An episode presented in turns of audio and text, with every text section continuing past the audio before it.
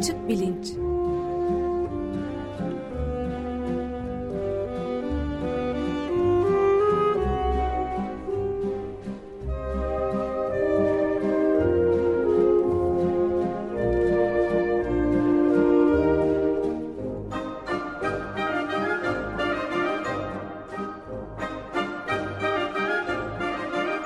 Güven Güzeldere ile bilim ve felsefe sohbetleri.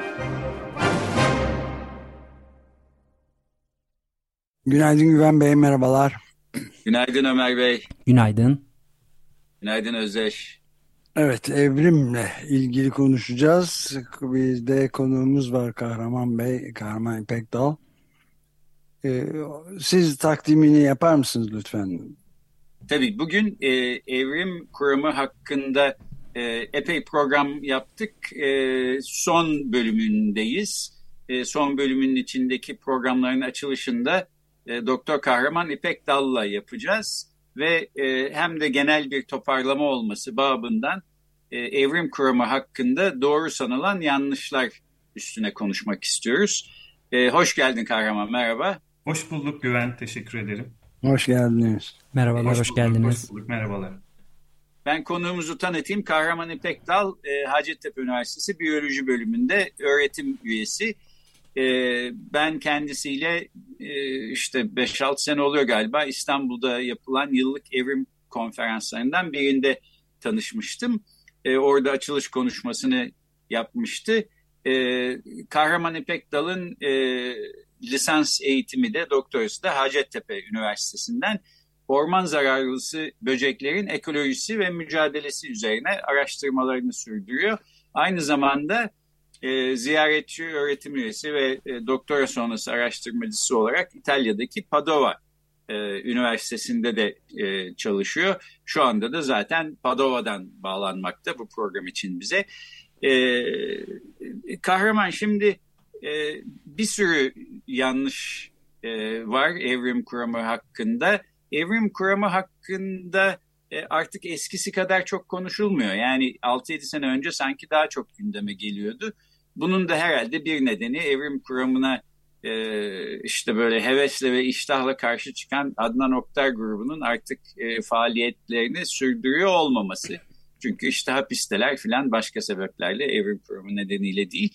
Yine de evrim kuramına e, inanmak ya da evrim kuramını benimsemek açısından Türkiye Avrupa ülkeleri arasında en gerilerde yer alıyor. E, dolayısıyla evrim kuramı hakkındaki e, doğru sanılan yanlışların e, aslında yanlış olduğunu söylemekte fayda var diye düşünüyorum. E, tabii bu bitmez bir konu yani saatler alabilir belki hepsini saymaya kalksak ama en önemlilerinden e, başlasak sen e, ne dersin? Evet, teşekkür ederim.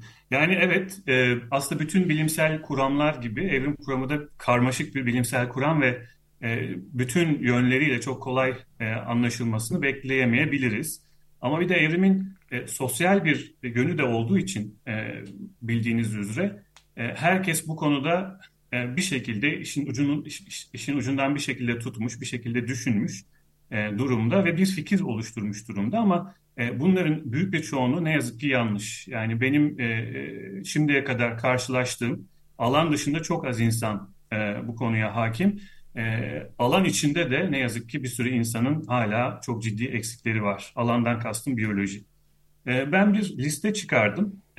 En önemli yanlış anlamalar evrim kuramıyla, evrimle alakalı nelerdir diye. Yedi tane madde çıktı. Bunu artırmak mümkün dediğin gibi ama e, en önemlileri olduğunu düşünüyorum. Bunlardan bir tanesi evrim kuramının, evrim teorisinin yalnızca bir teori olduğu için pek de güvenilir bir şey olmadığı. Çünkü e, biz teoriyi günlük anlamda çok güvenilmeyen şeyler için kullanıyoruz. Bir hipotezim var dermiş gibi kullanıyoruz. Aslında bilimsel teoriler böyle şeyler değiller. Biraz bundan e, bahsetmek isteyeceğim. İkincisi e, evrim teorisinin hala Darwin'in formüle ettiği haliyle e, kullandığımız bir teori oldu ama aslında evrim teorisi çok değişti son 170 yıldır. E, üçüncü yanlış anlama en güçlünün hayatta kaldığını söyleyen bir teori olduğu düşüncesi. Evrim kuramı en güçlünün değil e, ortam şartlarına en uygun olanın hayatta kaldığını e, söyleyen bir teori. Dördüncü yanlış anlaşılma evrimsel sürecin e, bir mükemmelleşmeye doğru gittiğini e, düşünen e, mantık. Yani sanki evrimleşme bir organizmayı ya da organizma grubunu mükemmel bir hale getiren bir süreçmiş gibi algılanıyor ama bu yanlış. Çünkü ortam şartlarına göre organizma grupları evrim geçiriyorlar ve burada e, mükemmellik söz konusu değil. Beşinci yanlış anlaşılma e, insan evrimi özelinde insanların maymundan geldiğinin e, düşünülmesi. Halbuki insan maymundan gelmiyor. Bunlar birbirinin ardılı olan organizmalar değiller. E, birbirleriyle akraba olan organizmalar.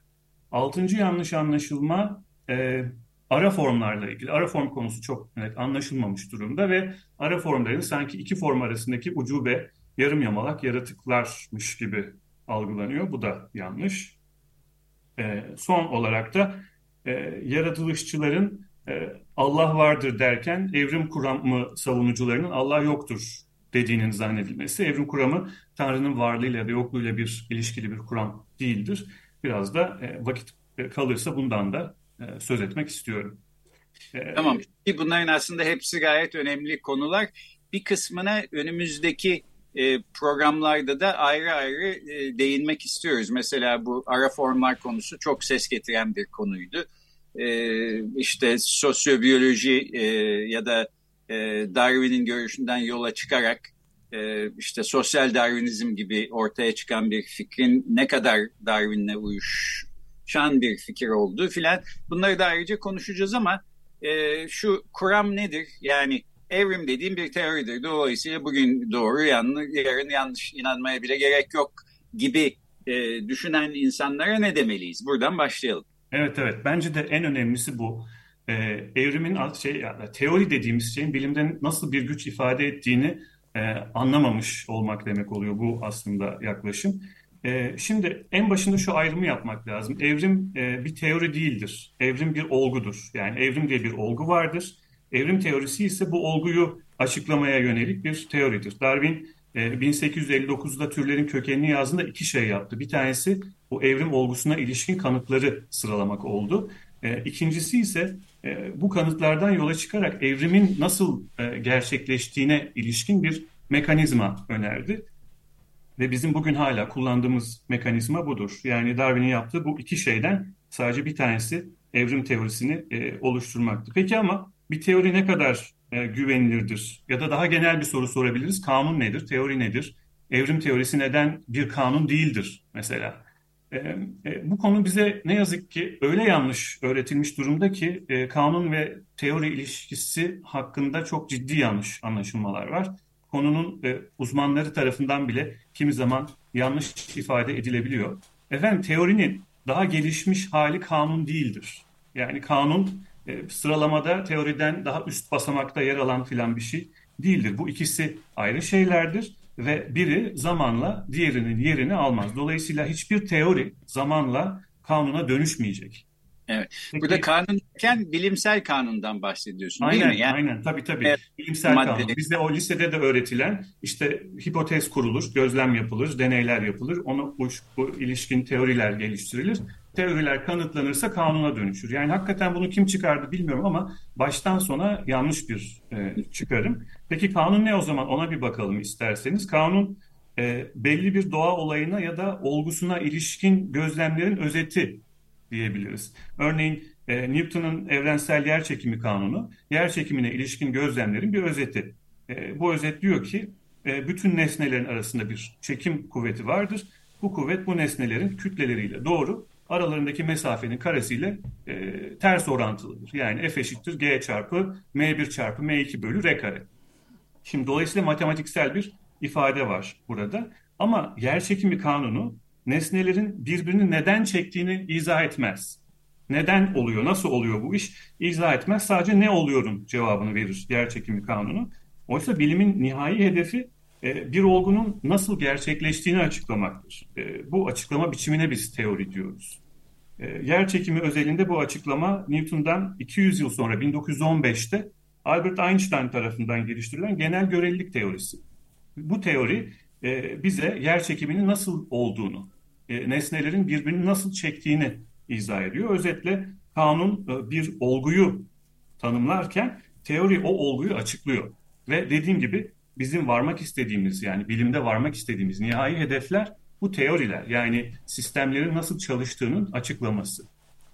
Ee, burada şu soru da akla gelebilir. Biyolojide peki neden böyle fizikteki ve kimyadaki kadar çok e, kanun e, bulunmuyor?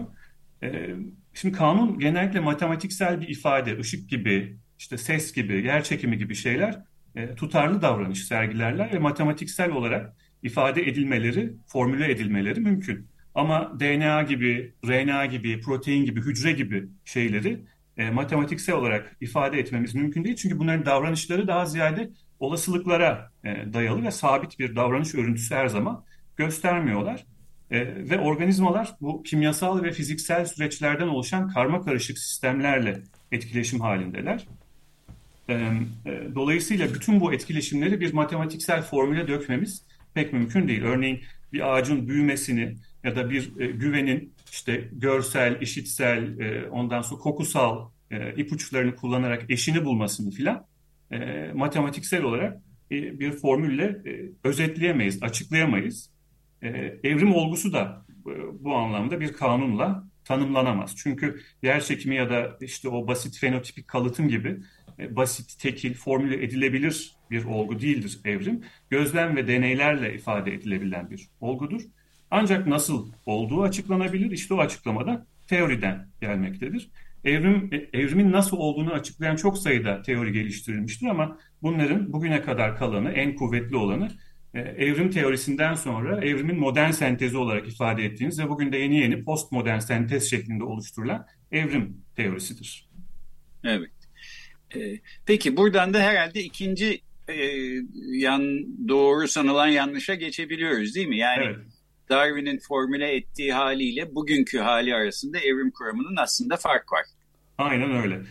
Darwin kuramı ilk ortaya attığındaki haliyle bugünkü hali arasında çok ciddi bir fark var. Çok ciddi bir sürü e, fark var. Ancak e, Darwin'in çizdiği çerçeve hala korunuyor. Sadece bütün kanıtlar e, o çerçeveyi ya genişletti ya da destekler nitelikte oldu. Örneğin Darwin zamanında dünyanın yaşından çok emin değildik.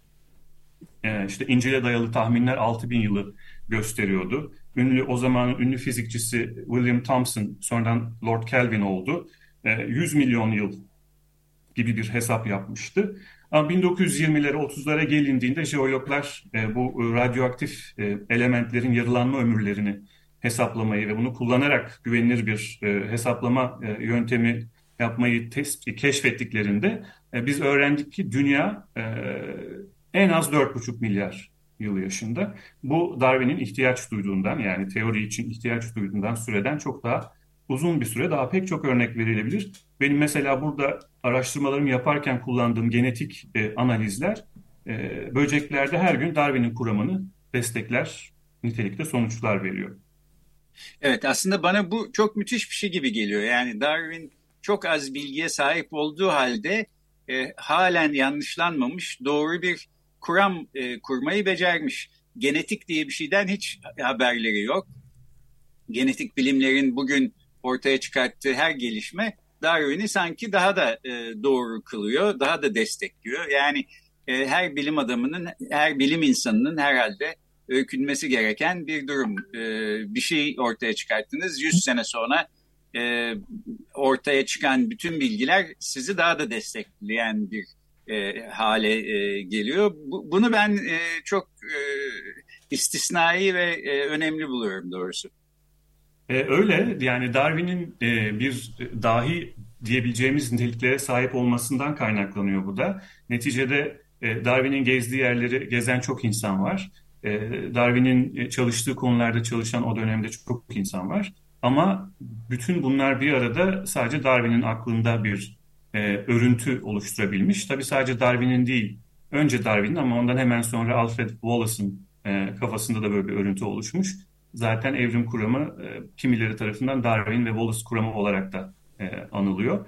E, e, ama e, işte bu örüntüyü e, o tespit etmiş olmasına rağmen bugün hala e, bu örüntünün nasıl tespit edildiğini e, anlamakta güçlük e, çeken insanlar var. Çünkü bu iyi bir şekilde anlatılmıyor. Mesela en yanlış anlatılanlarından yönü de buradan üçüncü aslında soruya geliyoruz, yan, yanılgıya. En güçlünün hayatta kaldığını söyleyen bir teori e, olması yanılgısı. Darwin en güçlünün hayatta kaldığını söylemiyor. Bunu e, Darwin'den sonraki sığ kafalı aslında e, faşistler e, söylüyorlar. Toplumları hastalık ve sakatlıklardan arındırmak için insan katliamını meşru göstermek isteyen e, kafalar bunu bu şekilde yorumluyor. Bunun adına da sosyal Darwinizm diyorlar ama bu baştan sona saçmalık sadece saçmalık değil şarlatanlık aynı zamanda ve aslında aşağılık da bir davranış biçimi. E, bu çok uzun bir tartışma konusu ve biyolog olarak benim boyumu aşan yönleri var ama şu kadarını söyleyebilirim ki doğa bilimleri e, toplumları şekillendirmemize yarayacak araçlar sunmuyorlar çokça. E, daha iyi bir insan toplumu, daha az hasta, daha az sakatın olduğu bir toplum değil, daha fazla adaletin, daha fazla eşitliğin olduğu haldeki bir toplum. E, doğa bilimlerini iyi öğretmezsek eğer e, her zaman bu bilgileri çarpıtıp toplumu yönetme arzusunu tatmin etmek için kullanacak sapık ruhlu insanlar olacak. Peki evrim teorisi en güçlünün hayatta kalması demiyorsa ne diyor? Evrim teorisi en uygun olanın hayatta kalması diyor. Bu en uygun olma halini ise çevre belirliyor. Örneğin e, bazı çevreler için hastalık olan bir özellik başka bazı çevreler için hayatta kalmanın tek yolu olduğu, olduğundan seçilebilen bir özelliğe dönüşebiliyor. Çok bilinen tipik bir örnek var. E, Afrika'daki, Sahra altı Afrika'daki sıtma ve e, orak hücre anemisi e, örneği. Bilmiyorum programınızda daha önce bu örnek verildi mi? E, verilmediyse tekrar edeyim. E, şimdi e, sıtma plazmodium denen bir e, tek hücreli canlı tarafından yapılan bir hastalık. Sivrisinekler bulaştırıyor. Kan hastalığı al yuvarlara girip patlatıyor al yuvarları. Orak hücre anemisi de kalıtsal bir hastalık. E, eğer hem anadan hem babadan bu kalıtsal hastalık genini alıyorsanız e, hastalıktan ölüyorsunuz. Yalnızca bir tanesinden alıyorsanız e, sağlıklı bir şekilde yaşamaya devam edebiliyorsunuz. Ama dünyanın her yerinde bu hastalığın sıklığı insan popülasyonlarında çok düşüktür. Çünkü ölümcül bir hastalık. Sahip olanlar üreyemeden ölüyorlar. E, fakat dünyada bu hastalığın en sık görüldüğü yer Sahra altı Afrika korkunç bir frekansa sahip. Çok şaşırtıcı. Bunun üzerine çalışılınca görülüyor ki orak hücre anemisinin Sahra altı Afrika'da yaygın olmasının nedeni orada yaygın olan başka bir hastalık. O da sıtma. Orada sıtmanın öldürücü bir versiyonu bulunuyor ve sıtmaya sahip herkes ölüyor. Dolayısıyla sıtma orak hücre anemisinden çok daha öldürücü bir hastalık. Ama orak hücre anemisine sahipseniz ve bunu sadece bu mutasyonu sadece annenizden ya da babanızdan almışsanız o zaman orak hücrelerin şekli yani hücrelerinizin şekli değişiyor al yuvarlarınızın şekli ama e, tamamen tamamıyla hepsi değişmiyor. Hala oksijen taşıma kapasitesine sahip bir kanınız var ama bu sefer bu plazmodium denen e, organizma sizin e, al yuvarlarınızın içine giremiyor. Çünkü orak hücre yapısının içine bu mikrop giremiyor. Dolayısıyla sizi hasta etmiyor. Eğer çok ciddi bir seçilimsel baskı varsa etrafınızda, yaşadığınız bölgede sıtma gibi e, sahip olduğunuz bir mutasyon aslında normalde sizi yani o, o popülasyonda yüksek ölüm oranına neden olacak popülasyon sizin e, popülasyonunuzu koruyor. Şey bir mutasyon sizin popülasyonunuzu koruyor. E şimdi burada bir hastalığın belli bir çevre e, şartında seçilmesinden bahsediyoruz. Bir mutasyon bir çevre şartında e, avantajlı hale geliyor. Dolayısıyla en uygun olan özellik orada o mutasyona sahip olmak. Bu da aslında e, bizi bir sonraki sorumuza getiriyor. Mükemmelleşme sorusuna. Evrimsel süreç e, organizmaları, popülasyonları mükemmelleştirir mi? Evet. Ben de bir saniye şurada e, araya gireyim. Şimdi şöyle belki bir e, itiraz olabilir bu senin dediğine. Ya işte en uyumlu olan aslında en güçlü olandır. Dolayısıyla aynı şeyden bahsediyoruz. E, Darwin niye bundan bahsediyor olmasın denebilir. Bu tabii doğru değil. Yani senin verdiğin örnekte de doğru olmadığı gözüküyor. Ben de hep e, primatolog Franz de Waal'ın anlattığı bir şeyi e, hatırlıyorum konu buraya geldiği zaman. E, bu Yorkies denen primat merkezinin e, müdürüydü o zaman e, ziyaret ettiğimde. E, oradaki büyük şempanze kolonisinin bir tane lideri var. E, genç, güçlü bir erkek e, Deval demişti ki gösterip bak bu işte yeni liderliğini aldı e, koloninin fakat en fazla bir iki sene içinde buna baş kaldırırlar. Çünkü kimseyle paylaşmayı bilmiyor. Hiç uyumlu değil.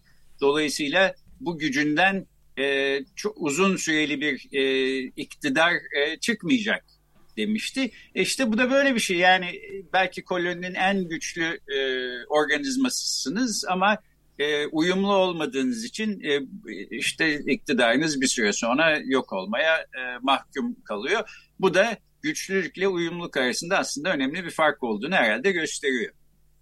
Yani, ben de, pardon ben de bir şey sorabilir miyim bu arada? Yani e, çok iyi bildiğim bir nokta değildi ama şöyle bir şey birkaç şey okuduğumu hatırlıyorum. Yani Darwin'in e, empati yani diğer kamlık diye nitelendirebileceğimiz vicdanlı davranma şeyi aslında en güçlünün değil en empatisi güçlü olanın ayakta kalabileceği şeklinde yorumlanan bir görüşü de var diye hatırlıyorum. Bu ne ölçüde doğrulanabilir?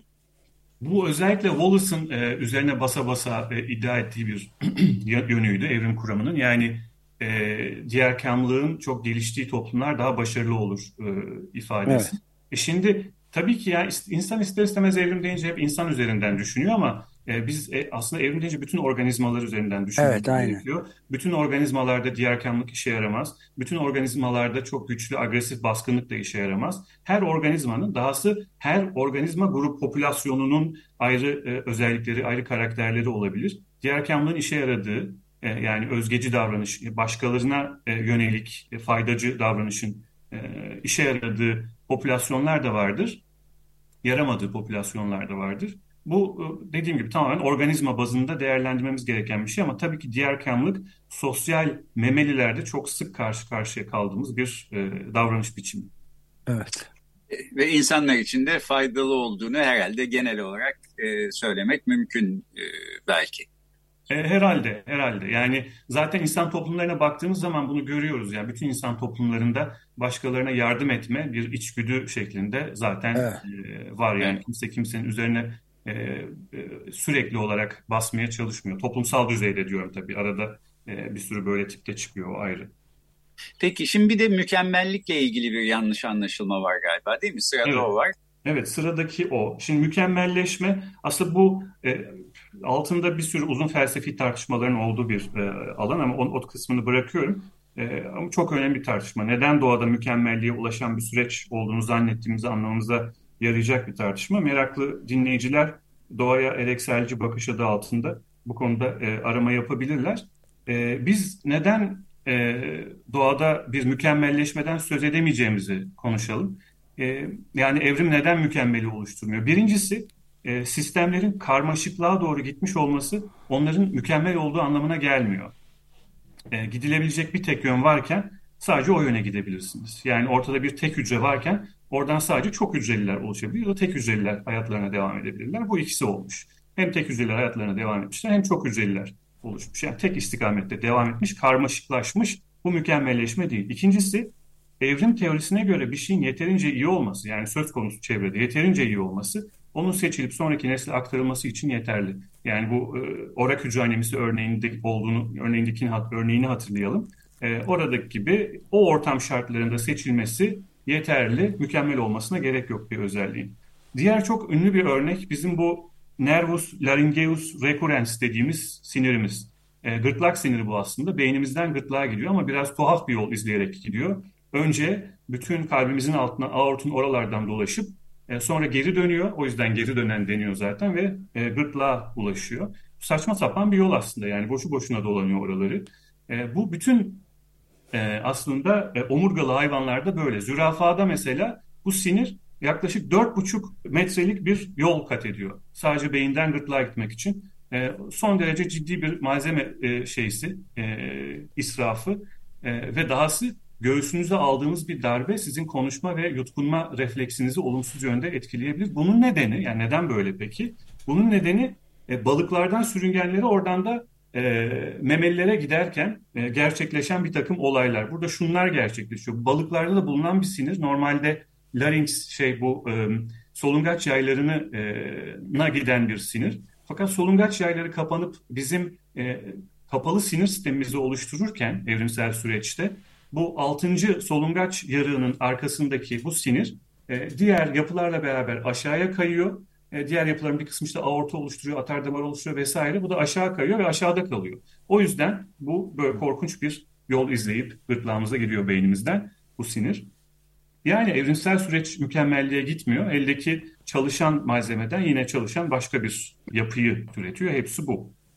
Evet bu da aslında bu akıllı tasarım denen düşüncenin yanlışlığını herhalde gösteriyor. Evet. Çünkü insanı diğer canlılardan bağımsız olarak yaratacak bir akıllı tasarımcı olsanız işte bu siniri böyle yapmazsınız. Kesinlikle ee, yapmazsınız evet. Peki bu sinir niye böyle? İnsanlarda niye böyle? Zürafalarda daha da beter bir halde filan. E çünkü eldeki malzeme ile adım adım e, ilerleme söz konusuysa ancak bu doğru olabilir. Bu da evrim kuramını yeniden destekleyen bir başka bulgu herhalde.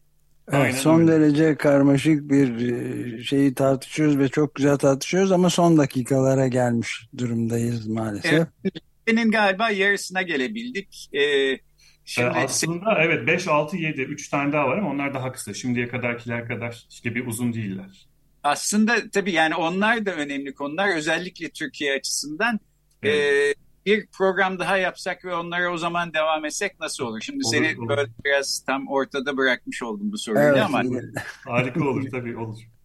Çok tamam. olur bence de. Listenin ilk kısmını böylece tamamlamış olalım. İkinci kısmını da gelecek programda yapmak üzere söz verelim.